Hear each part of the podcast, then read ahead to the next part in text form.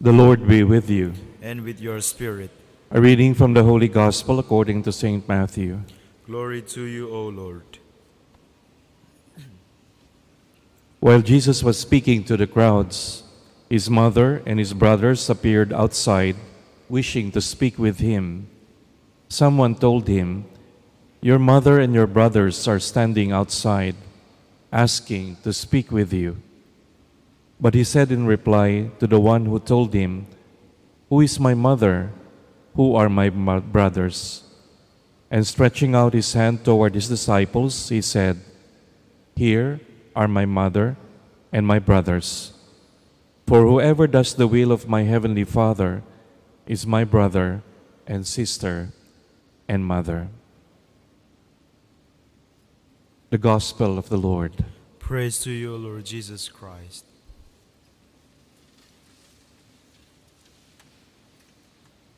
Here is a very short narrative, a simple exchange of one sentence and another sentence.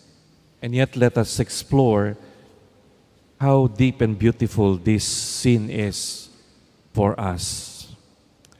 When you hear the word mother, brother, sister, immediately collective, collectively, we know we are referring to an entity, to a unit, a unit which we call family. So imagine in the gospel, the mother and brothers of Jesus outside wishing to speak to him. And him, he was talking to them. That is the scene. And when someone told Jesus, Your mother and your brothers are standing outside asking to speak to you, his answer was, Who is my mother? Who are my brothers? When you answer like that, uh, maybe the reaction might be, Why is he saying this? Has he forgotten? Of course not. Who could forget? How could we forget? How could he forget those around 30 years of growing up with his mother and relatives and maybe kin? How could you forget that? Family, normally, the memories of family is the first to come into our lives and maybe the last to go. We will always remember, no matter how far we move from our kin, the memories that have come to us in our earliest days will always be there. First to come, last to go, or maybe they will not go at all. So, I would say, of course, how could he forget his family? He knows them. But at the same time, he was talking to a group of people. Of course, how could he miss the opportunity to teach his disciples? There's something more here. It is not negating where Jesus come from, his kinship, but something is being inaugurated, something is being opened to the disciples.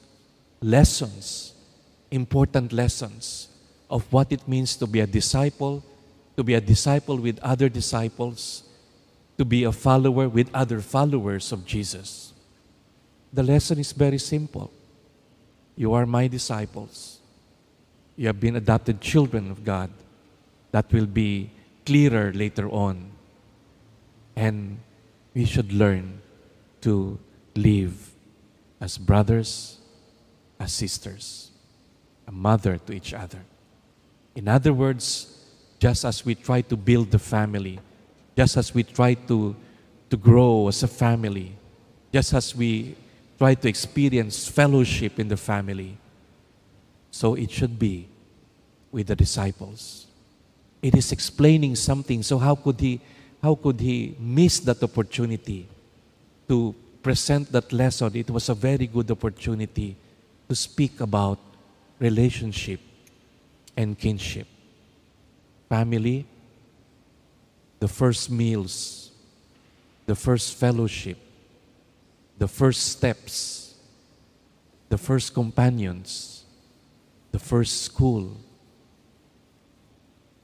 this is family. And so, in the same way, when we are born in our baptism, through our baptism, when we are inaugurated into this new network of relationship, we also experience that fellowship, that communion, being companions in the journey, being co pilgrims. Remember the Our Father? The Our Father, I would say, connects very well to this very narrative. Jesus said, Whoever does the will of my heavenly Father is my brother and sister and mother. We pray, Our Father, who art in heaven, hallowed be thy name. Thy kingdom come, thy will be done on earth as it is in heaven. This narrative somehow prepares us to understand what that prayer is all about. What are we praying in that prayer? We are also praying not just for our own needs, but for our own relationships as brothers and sisters, as beloved children of, of God. At the same time, we recognize that what gives quality to that relationship is our unity in the will of the Father. The more we try to live out what Jesus has taught us about the will of the Father, the more that relationship grows. And that's the way to grow in the family of God. So here, we say, of course, he has not forgotten his family, but of course also he will not miss the opportunity to teach his disciples. Now we ask ourselves, what are we missing? There are lessons to be learned, and sometimes we simply take them for granted. One simple lesson is really how just to be a brother and a sister, how to be a family together. We know a family, they have struggles, but they never give up. They were united by blood. Actually, we can say not by choice. But in Christ, it goes deeper. I would say it goes higher because our kinship is in our unity with Christ. Our, our bond our growth is in seeking together the will of the Father and living it out. There's something human and divine that comes together. Human relationships. This is human. The will of the Father that somehow brings us together is something that is divine. Our human relationship from our blood is given by nature. Our relationship with one another in Christ is given by grace and something that is divine.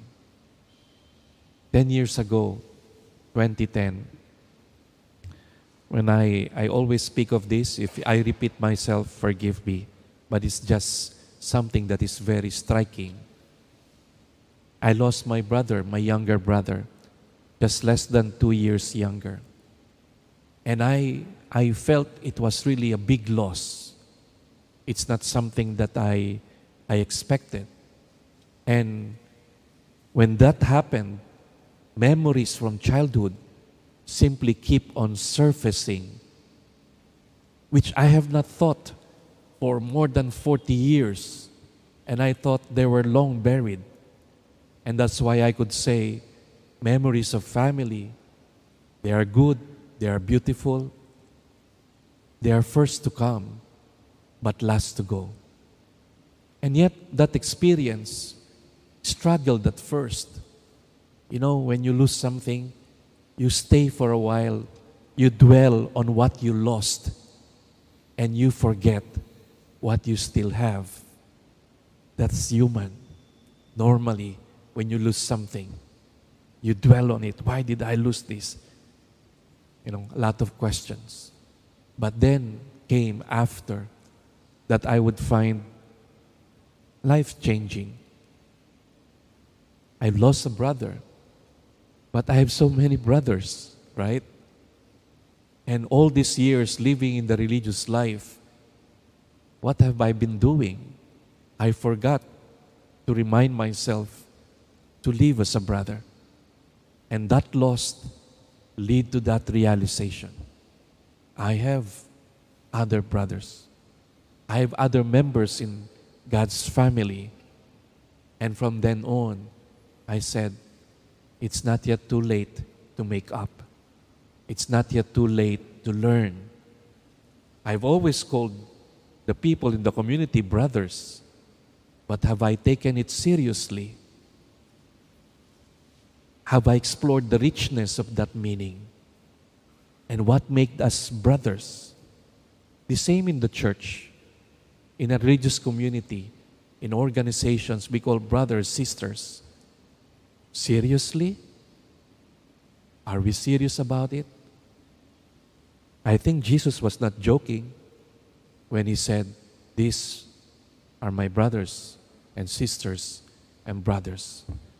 Whoever does the will of the, of the Father. Imagine this, my brothers and sisters. If only we will take it seriously. If only we will try. We will never be perfect. But if only we will try through each day, through each week, through the years, and grow with it to be a better brother, to be a better sister, we would have a richer experience of faith, a richer experience of what Jesus is talking about. And we will discover how beautiful this gospel is. When He was the first one to call, You are my brothers and my sisters. Seriously? Seriously. It's not too late to learn, to grow, and life will be different.